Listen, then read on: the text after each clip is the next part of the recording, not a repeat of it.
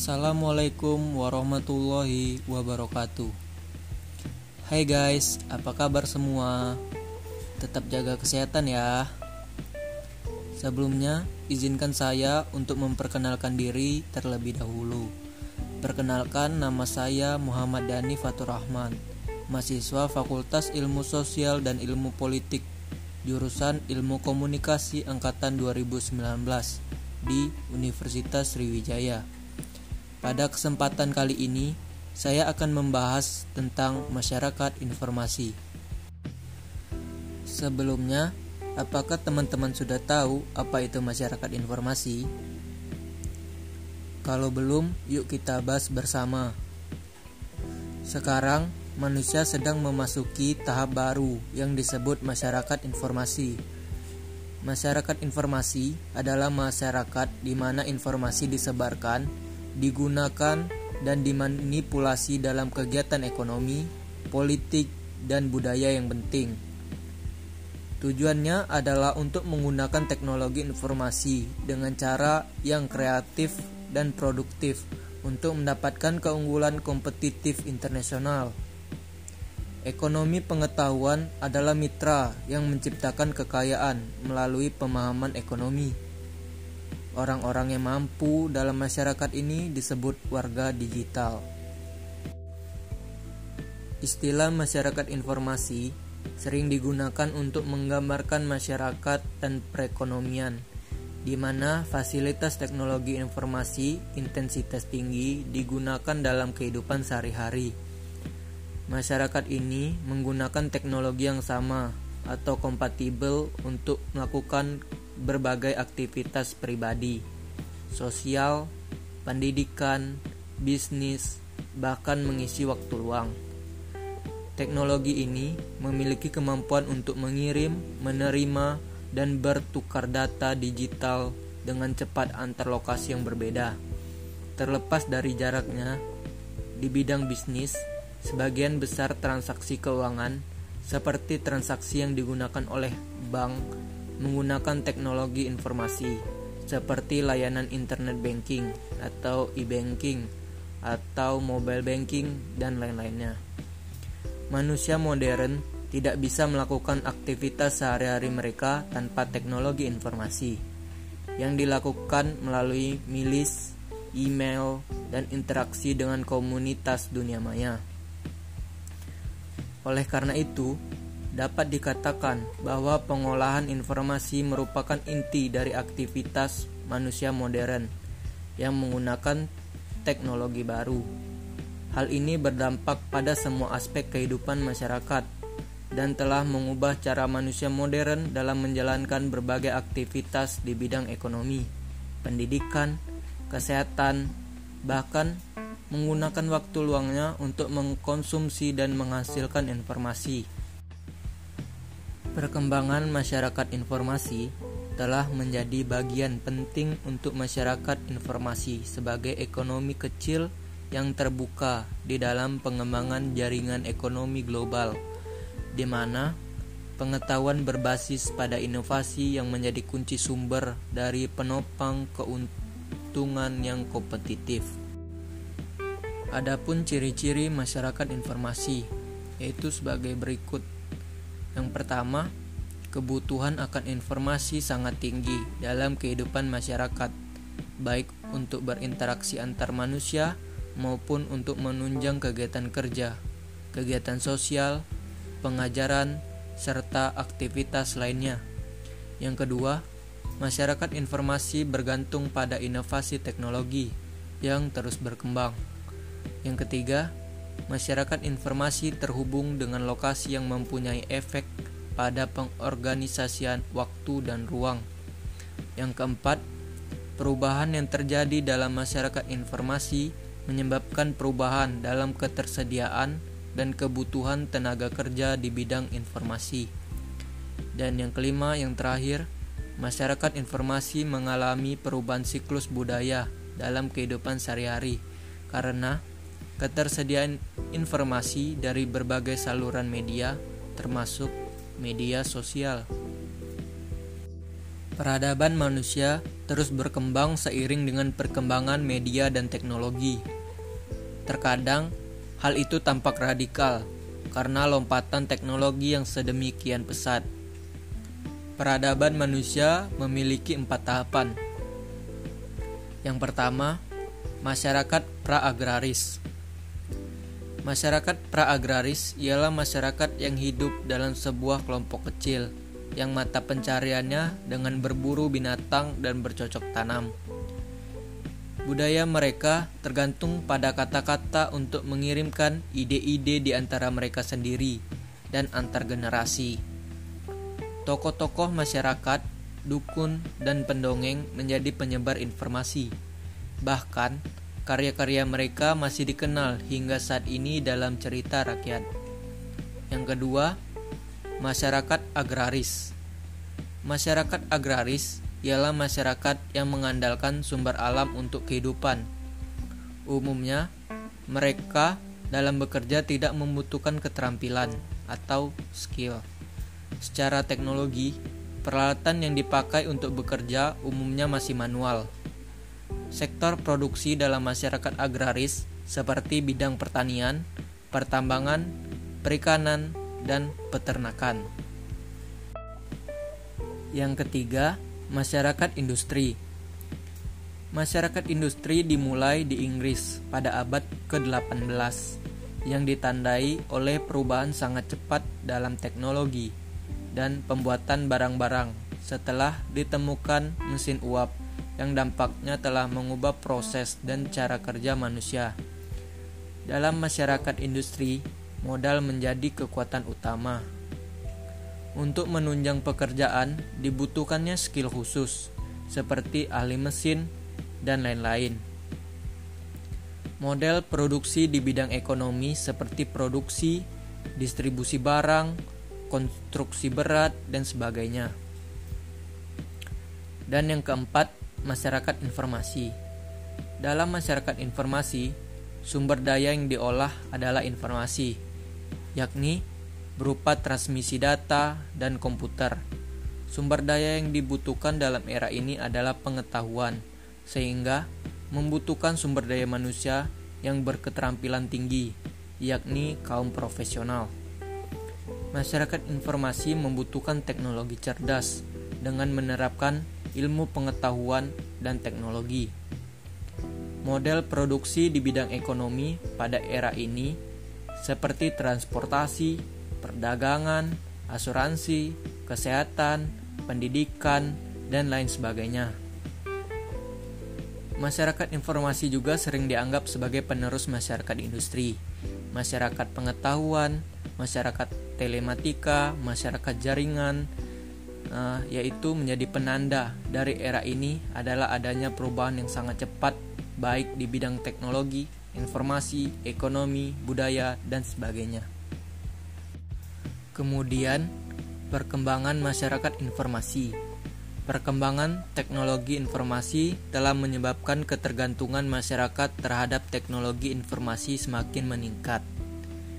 Masyarakat menjadi konsumen informasi dan juga menghasilkan informasi. Rata-rata masyarakat di seluruh dunia menghabiskan separuh waktunya untuk berhubungan dengan teknologi informasi, termasuk mengupload video di YouTube, membuat dan membalas status di media sosial seperti Facebook dan Twitter, serta menulis dan membalas email. Oleh karena itu, manusia saat ini bekerja dan menghibur dalam lingkup masyarakat informasi. Teknologi informasi terus berkembang, Kombinasi media konvensional dan media baru telah mengubah cara konsumsi media dan kehidupan masyarakat. Hampir semua orang menggunakan ponsel dan email untuk mendukung berbagai aktivitas yang mereka lakukan setiap hari. Media konvensional telah memasuki bidang media baru, yaitu media digital dan jaringan telekomunikasi yang memberikan gaya hidup baru menciptakan lapangan kerja baru, dan isu sosial baru. Selanjutnya, media baru. Media baru merupakan sebuah konsep komunikasi dan metode komunikasi baru di dunia digital yang memungkinkan kelompok masyarakat untuk mengumpulkan dan berbagi secara online, menjual barang, dan bertukar informasi. Fitur struktural terpenting dari media baru adalah yang pertama integrasi teknologi telekomunikasi. Yang kedua, revolusi komunikasi, yakni dengan memunculkan media interaktif. Interaktivitas adalah urutan aksi dan reaksi melalui link download atau berinteraksi melalui situs web yang dipakai sebagai sarana masyarakat untuk berinteraksi. Yang ketiga, teknis karakteristik media baru adalah kode digital. Adanya fenomena media baru telah mengubah budaya masyarakat yang tercermin pada yang pertama, Terus bertambahnya pengguna media sosial sebagai sarana untuk berinteraksi dan juga menjajakan barang dan jasa. Indonesia tercatat menjadi salah satu negara yang perkembangan pengguna media sosialnya sangat tinggi. Data Kementerian Komunikasi dan Informatika tahun 2014 menyebutkan bahwa pengguna internet di Indonesia mencapai 82 juta orang. Dari angka tersebut, 95% menggunakan internet untuk mengakses jejaring sosial. Indonesia menempati peringkat keempat pengguna Facebook terbesar setelah Amerika Serikat, Brazil, dan India. Yang kedua, berbagai situs web berlomba menyajikan informasi tercepat. Yang ketiga, pergerakan politik memanfaatkan media sosial untuk kampanye karena dianggap cukup efektif untuk menyampaikan visi dan misi para kandidat. Kemudian, adanya media sosial. Media sosial didefinisikan sebagai sebuah kelompok aplikasi berbasis internet dengan menggunakan teknologi web 2.0 yang memungkinkan penciptaan dan pertukaran user generated content. Beberapa contoh media sosial yang dipakai oleh masyarakat informasi untuk berkomunikasi antara lain Facebook, Twitter, dan lain-lain. Perkembangan pengguna media sosial sangat cepat, termasuk di Indonesia, karena melalui media sosial manusia bisa saling membagi ide, bekerja sama, dan berkolaborasi untuk menciptakan kreasi, berpikir, berdebat, dan menemukan teman baru atau teman lama yang sudah lama tidak berjumpa Bahkan, melalui media sosial, banyak juga yang menemukan pasangan hidup. Keinginan manusia untuk mengaktualisasikan diri dan kebutuhan untuk menciptakan personal branding membuat media sosial berkembang sangat pesat. Banyak perusahaan membangun wadah sendiri untuk membangun komunikasi di antara karyawannya. Sementara itu, Manusia secara pribadi menggunakan jejaring sosial untuk membuat halaman pribadi yang kemudian terhubung dengan pengguna jejaring sosial lainnya untuk berkomunikasi dan berbagi informasi. Teknologi internet dan telepon seluler yang terus berkembang memudahkan orang-orang untuk berkomunikasi dengan melakukan update status di media sosial Terjadinya fenomena besar terhadap arus informasi menyebabkan media sosial berkembang sangat pesat dan secara bertahap menggantikan media konvensional dalam memberikan informasi. Di era internet, masyarakat modern sangat mengenal media sosial. Tom Sheffield, seorang ilmuwan kognitif di Universitas Sheffield, mengatakan bahwa manusia pada dasarnya adalah makhluk sosial. Akibatnya, orang menyukai informasi sosial yang diperoleh melalui web, email, dan media sosial. Ada dua alasan mengapa efek media sosial sangat membuat ketagihan. Yang pertama, seperti halnya slot mesin undian, sebagian besar isinya adalah sampah atau hal yang tidak berguna. Namun, mempunyai efek adiktif karena manusia begitu tertarik dan terus ingin memainkannya karena berharap mendapatkan jackpot internet bikin kecanduan. Membaca email atau aktivitas berselancar di internet juga mengaktifkan respons flag or flight Web juga sering memiliki isi atau konten penting yang memerlukan tindakan atau respon cepat. Misalnya tugas kantor. Yang kedua, media sosial sangat adiktif karena tidak ada batas-batas di dalamnya, sehingga setiap manusia bebas menuangkan ide-ide. Mungkin semula orang tersebut hanya ingin melakukan pencarian di Wikipedia, tetapi kemudian membuka situs-situs lainnya.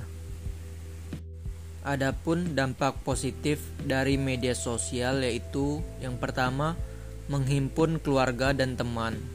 Keluarga, family, dan saudara yang tersebar di berbagai lokasi dapat saling berkomunikasi dan berinteraksi melalui media sosial. Yang kedua, sebagai media penyebar informasi. Informasi yang terbaru dan up to date dengan sangat cepat mudah tersebar melalui situs jejaring sosial yang ketiga, memperluas jalinan pertemanan. Dengan menggunakan jejaring sosial, pengguna bisa berkomunikasi dengan siapa saja, bahkan dengan orang-orang yang belum dikenal dari berbagai penjuru dunia. Selain itu, media sosial juga dipakai sebagai sarana berkomunikasi dengan teman-teman lama untuk reuni. Yang keempat, sebagai media promosi dalam bisnis banyak pengguna menjajakan barang dagangannya melalui media sosial sehingga memunculkan pengusaha kecil. Yang kelima, media pertukaran data. Dengan menggunakan jejaring situs-situs web, para pengguna internet di seluruh dunia dapat saling bertukar informasi dengan cepat.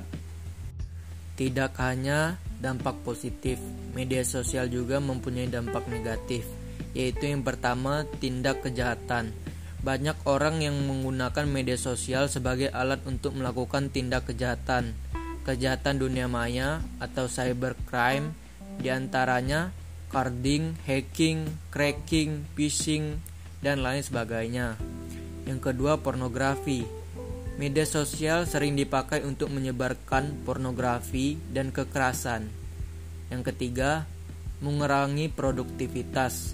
Sifat adiktif dari media sosial membuat orang enggan bekerja, anak-anak malas belajar sehingga kurang produktif. Yang keempat, mengurangi privasi. Kebebasan dalam menuangkan ide di media sosial menyebabkan banyak persoalan pribadi dibawa ke ranah dunia maya dan menjadi konsumsi publik. Selanjutnya, adanya gubuk elektronik. Sebagaimana telah dikatakan Roger pada tahun 1986, bahwa masyarakat informasi itu salah satu ciri utama mayoritas angkatan kerjanya terdiri dari para pekerja dan informasi menjadi elemen penting. Kuantitas waktu yang dihabiskan berada di depan Android, laptop atau media massa lain baik bagi masyarakat informasi dan bukan masyarakat yang bukan pekerja informasi sangatlah besar. Yang pertama melakukan pekerjaan di rumah. Karena yang menjadi andalan adalah informasi, maka masyarakat dapat melakukan aktivitas apa pun tidak harus berpindah tempat. Rumah yang mewadahi banyak aktivitas kegiatan informasi bisa disebut dengan gubuk elektronik. Yang kedua, pekerja jarak jauh. Gubuk elektronik juga memungkinkan seseorang bekerja dalam jarak jauh. Semakin meningkatnya pekerja jarak jauh, dimungkinkan semakin rendahnya biaya produksi dan polusi. Yang ketiga, masyarakat yang terpusat pada rumah tangga. Dampak masyarakat Gubuk elektronik membangkitkan kembali rasa kebersamaan, menghidupkan kembali berbagai kerja sukarela, mengaktifkan organisasi pemuda di bidang olahraga dan kegiatan sosial.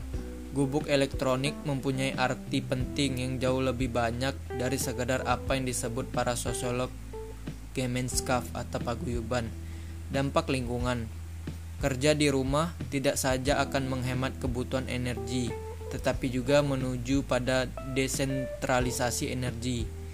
Dampak ekonomi: ada beberapa perusahaan yang akan mengalami kemunduran dana, ada juga yang mengalami perkembangan. Kemudian, dampak sosiolog: pekerjaan di depan layar elektronik di rumah akan membuat manusia berurusan dengan simbol-simbol abstrak yang membutuhkan peran otak. Namun demikian di sisi lain bekerja di rumah secara tidak langsung akan mewujudkan suatu hubungan dengan rasa kebersamaan mendalam baik dalam rumah tangga maupun dengan tetangganya. Kemudian adanya masyarakat pemberontak teknologi. Masyarakat informasi adalah masyarakat teknologi. Artinya, teknologi dijadikan perangkat utama dalam mendukung proses penyampaian pesan sekelompok orang yang menyadarkan akan dampak buruk teknologi bisa disebut para pemberontak teknologi. Contoh dari masyarakat informasi. Contohnya itu seperti chattingan. Nah, chatting itu ialah suatu pesan instan pada jaringan internet atau media sosial yang memungkinkan para usernya dapat berkomunikasi secara langsung lewat pesan teks dengan user lain. Chattingan juga mempunyai manfaat. E, contohnya itu seperti memudahkan berkomunikasi dengan cepat dan menambah teman baru. Dari chatting ini nantinya masyarakat bisa mendapatkan informasi atau menyampaikan informasi di mana masyarakat informasi sendiri pastinya butuh untuk berkomunikasi dengan orang lain agar bisa mendapatkan atau menyampaikan informasi atau hal yang penting. Yang mana masyarakat informasi sendiri tidak bisa lepas dari yang namanya teknologi informasi.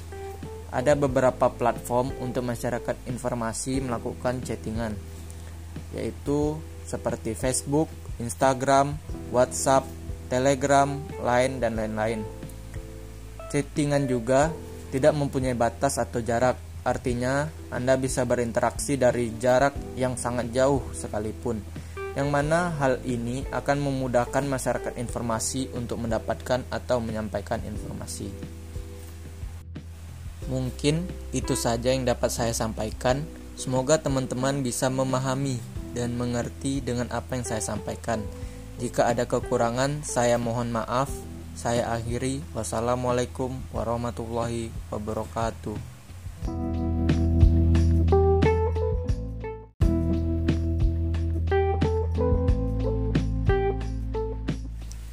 Assalamualaikum warahmatullahi wabarakatuh.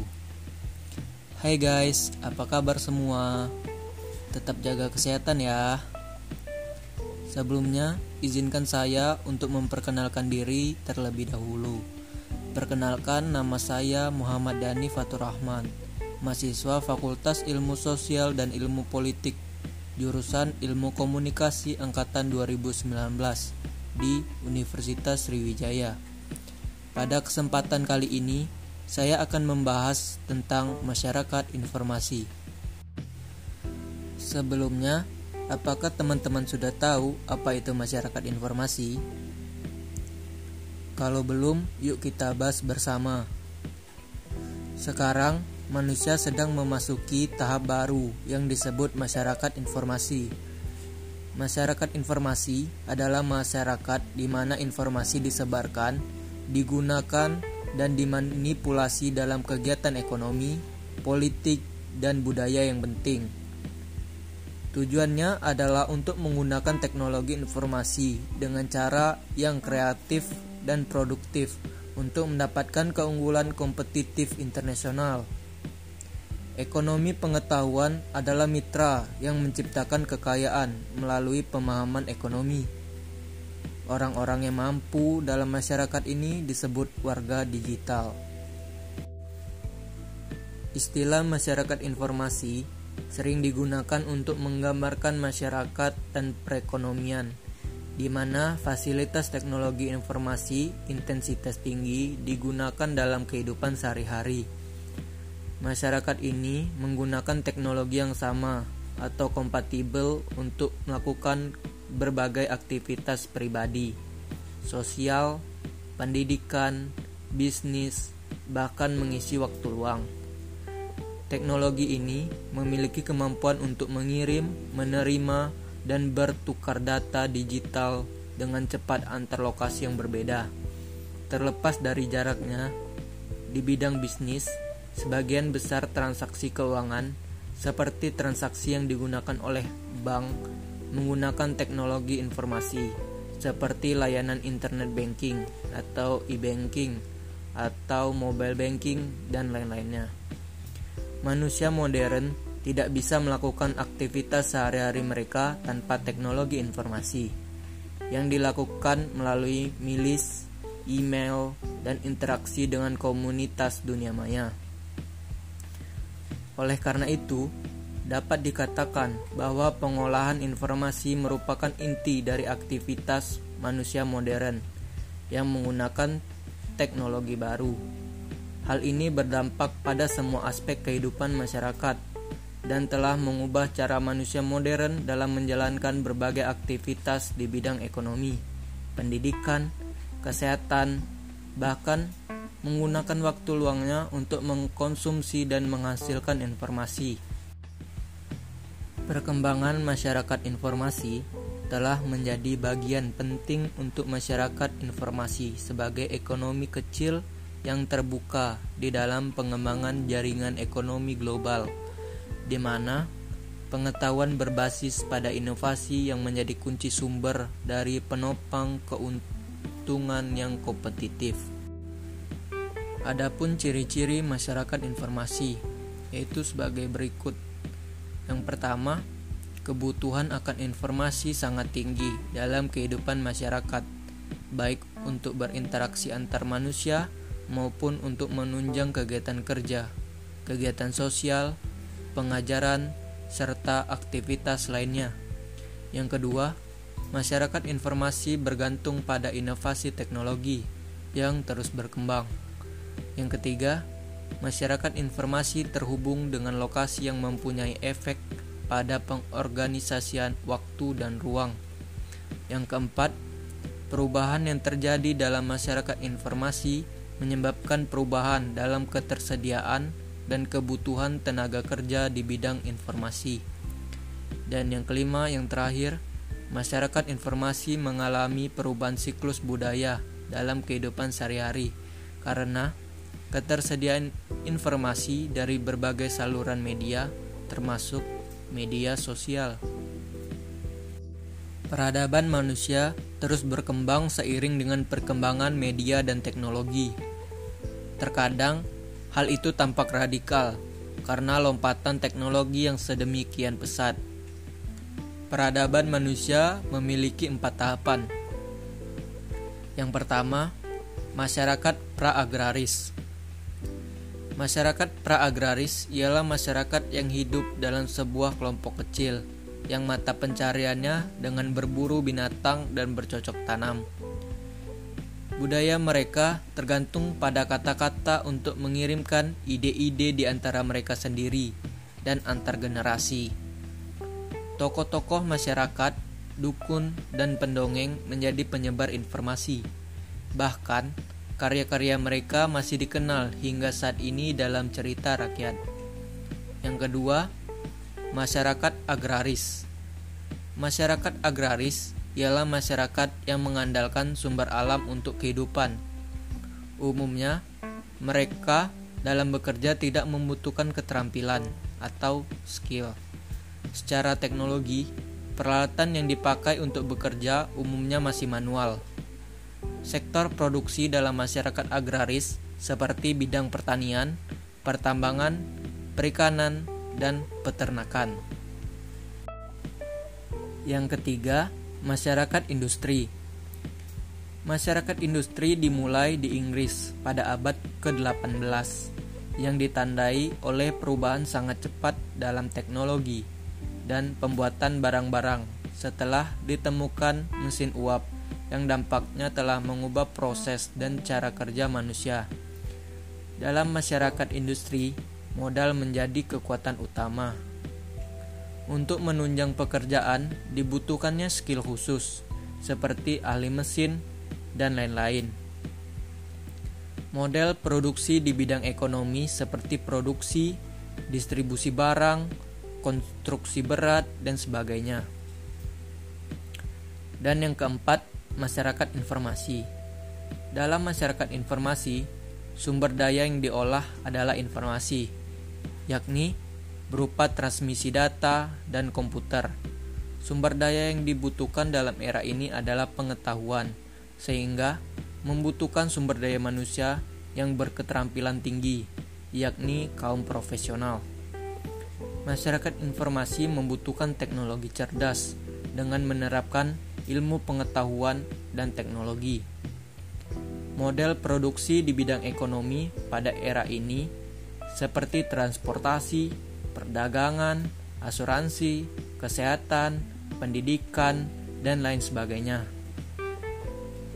Masyarakat informasi juga sering dianggap sebagai penerus masyarakat industri, masyarakat pengetahuan, masyarakat telematika, masyarakat jaringan, uh, yaitu menjadi penanda dari era ini adalah adanya perubahan yang sangat cepat, baik di bidang teknologi, informasi, ekonomi, budaya, dan sebagainya.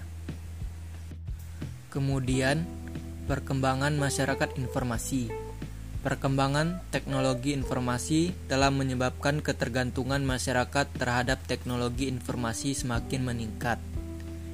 Masyarakat menjadi konsumen informasi dan juga menghasilkan informasi. Rata-rata, masyarakat di seluruh dunia menghabiskan separuh waktunya untuk berhubungan dengan teknologi informasi, termasuk mengupload video di YouTube membuat dan membalas status di media sosial seperti Facebook dan Twitter, serta menulis dan membalas email. Oleh karena itu, manusia saat ini bekerja dan menghibur dalam lingkup masyarakat informasi. Teknologi informasi terus berkembang.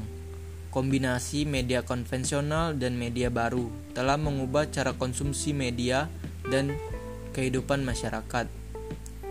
Hampir semua orang menggunakan ponsel dan email untuk mendukung berbagai aktivitas yang mereka lakukan setiap hari.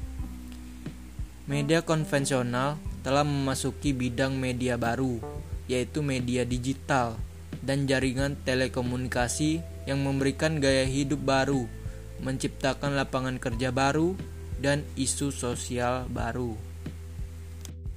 Selanjutnya, media baru Media baru merupakan sebuah konsep komunikasi dan metode komunikasi baru di dunia digital yang memungkinkan kelompok masyarakat untuk mengumpulkan dan berbagi secara online, menjual barang, dan bertukar informasi. Fitur struktural terpenting dari media baru adalah yang pertama, integrasi teknologi telekomunikasi. Yang kedua, revolusi komunikasi, yakni dengan memunculkan media interaktif. Interaktivitas adalah urutan aksi dan reaksi melalui link download atau berinteraksi melalui situs web yang dipakai sebagai sarana masyarakat untuk berinteraksi. Yang ketiga, teknis karakteristik media baru adalah kode digital.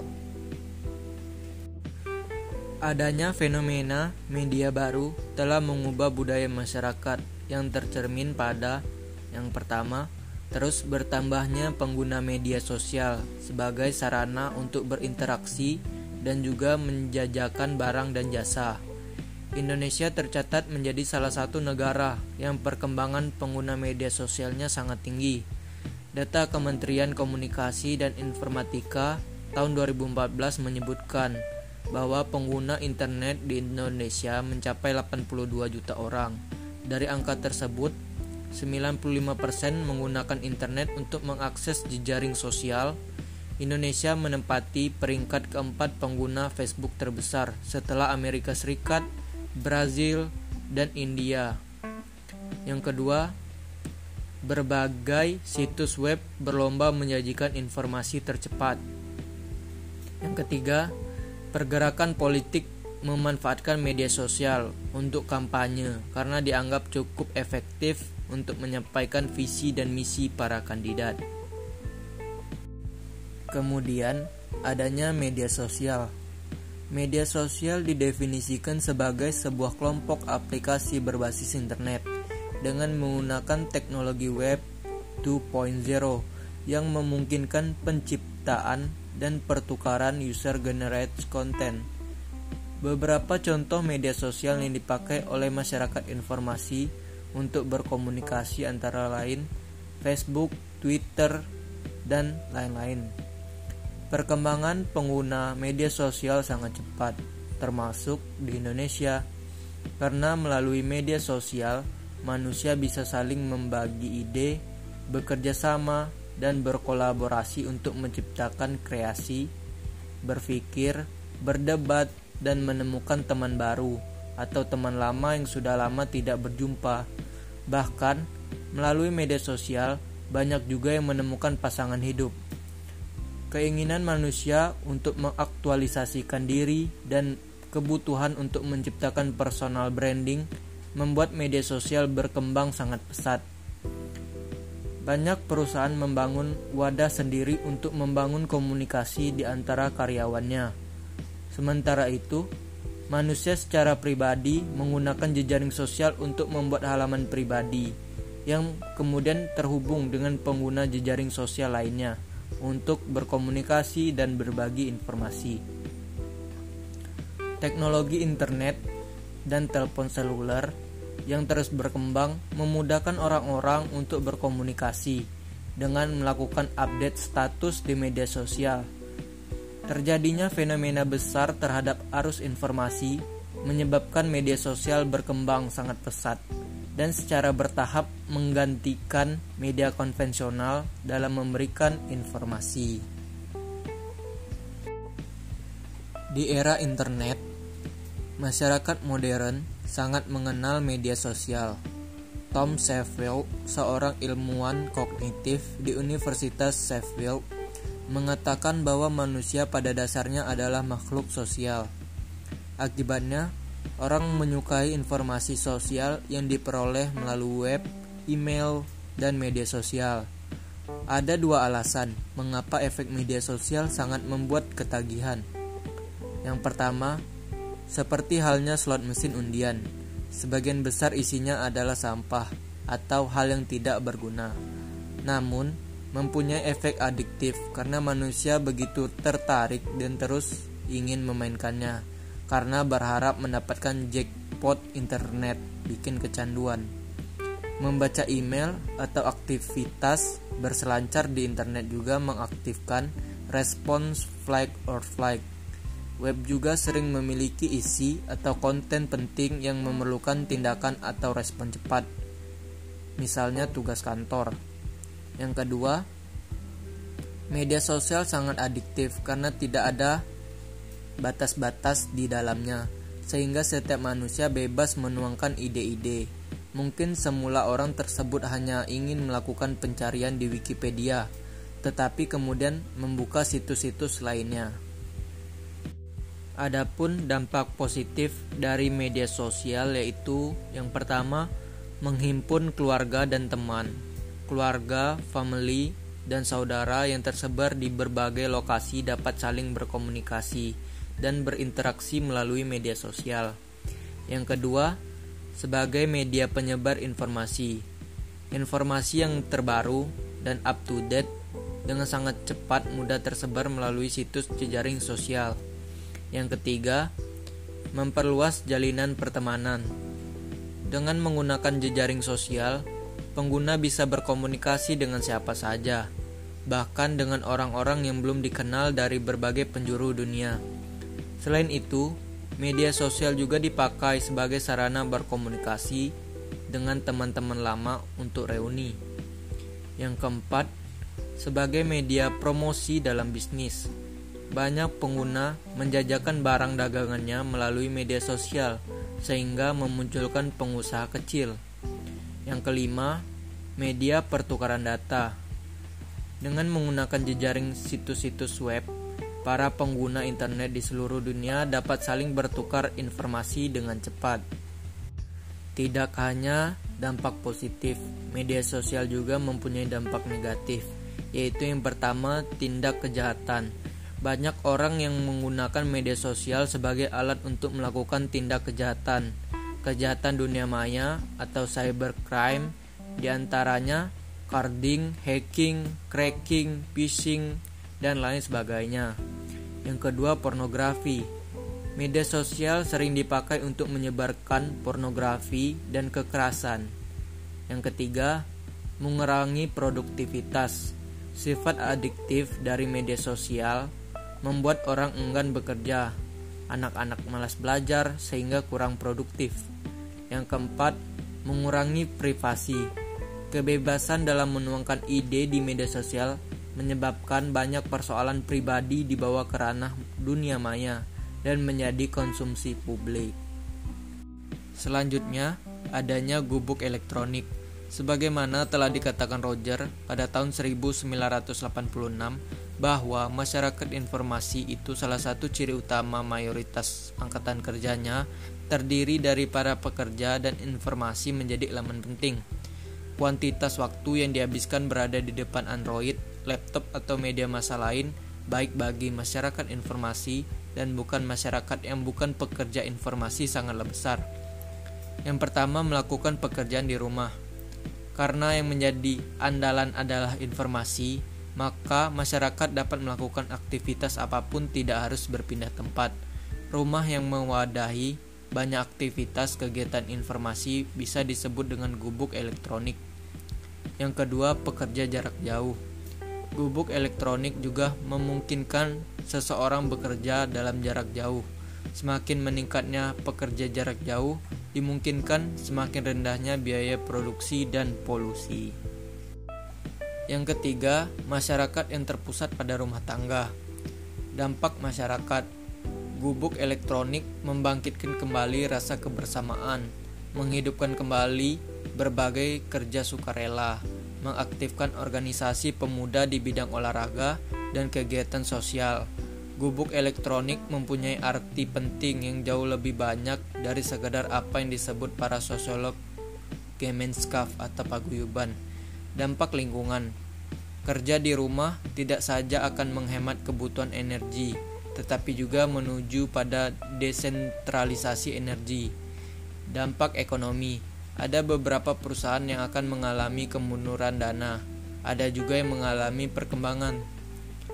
Kemudian, dampak sosiolog pekerjaan di depan layar elektronik di rumah akan membuat manusia berurusan dengan simbol-simbol abstrak yang membutuhkan peran otak namun demikian di sisi lain bekerja di rumah secara tidak langsung akan mewujudkan suatu hubungan dengan rasa kebersamaan mendalam baik dalam rumah tangga maupun dengan tetangganya.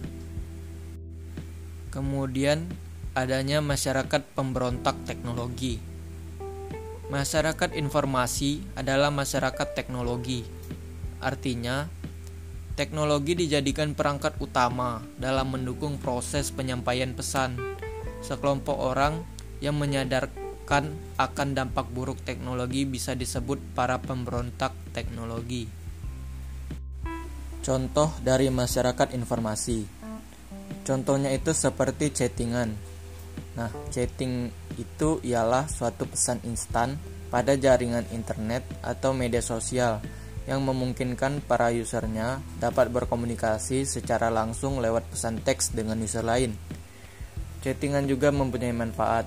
E, contohnya itu seperti memudahkan berkomunikasi dengan cepat dan menambah teman baru. Dari chatting ini nantinya masyarakat bisa mendapatkan informasi atau menyampaikan informasi. Di mana masyarakat informasi sendiri pastinya butuh untuk berkomunikasi dengan orang lain agar bisa mendapatkan atau menyampaikan informasi atau hal yang penting. Yang mana masyarakat informasi sendiri tidak bisa lepas dari yang namanya teknologi informasi. Ada beberapa platform untuk masyarakat informasi melakukan chattingan, yaitu seperti Facebook, Instagram, WhatsApp, Telegram, Line, dan lain-lain. Chattingan juga tidak mempunyai batas atau jarak, artinya Anda bisa berinteraksi dari jarak yang sangat jauh sekalipun yang mana hal ini akan memudahkan masyarakat informasi untuk mendapatkan atau menyampaikan informasi. Mungkin itu saja yang dapat saya sampaikan. Semoga teman-teman bisa memahami dan mengerti dengan apa yang saya sampaikan. Jika ada kekurangan, saya mohon maaf. Saya akhiri. Wassalamualaikum warahmatullahi wabarakatuh.